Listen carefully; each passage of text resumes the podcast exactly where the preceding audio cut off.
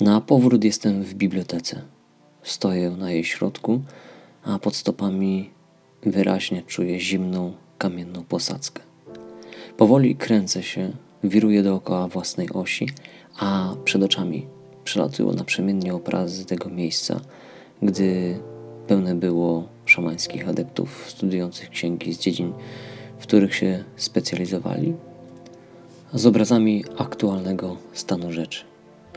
W mojej głowie rodzi się pytanie o te księgi właśnie. Skąd one pochodzą? Kto je spisał? Jak wiele wiedzy i na ile obecnie aktualnej ze sobą niosą?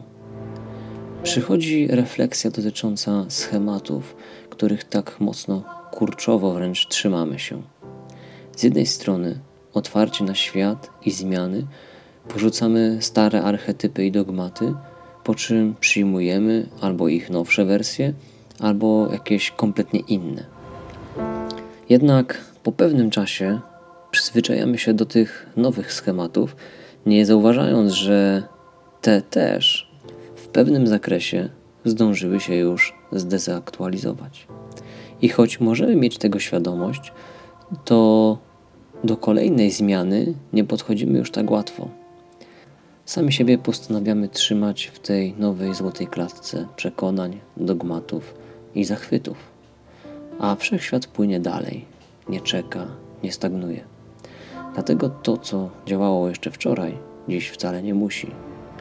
A co jeśli te księgi to nic innego jak mniej bądź bardziej szczegółowy zapis kosmicznego metasystemu przepuszczonego przez filtr jednostki?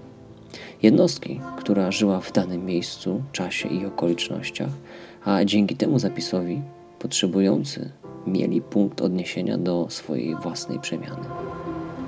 Księgi są jak mapy, na podstawie których może zostać wytyczone nieskończenie wiele dróg do tego samego celu. Co więcej, nawet topografia samej mapy nie jest niczym stałym i niezmiennym. Zarówno duchem, jak i ciałem składam pokłon niezliczonym pokoleniom szamanek, szamanów i duchowych przewodników, dziękując im za ich księgi, ich wgląd w plan absolutu, za ich miłosną pieśń wyzwolenia. Jesteśmy ich dłużnikami. Czas zacząć spłacać ten dług, pisząc swoją wersję księgi.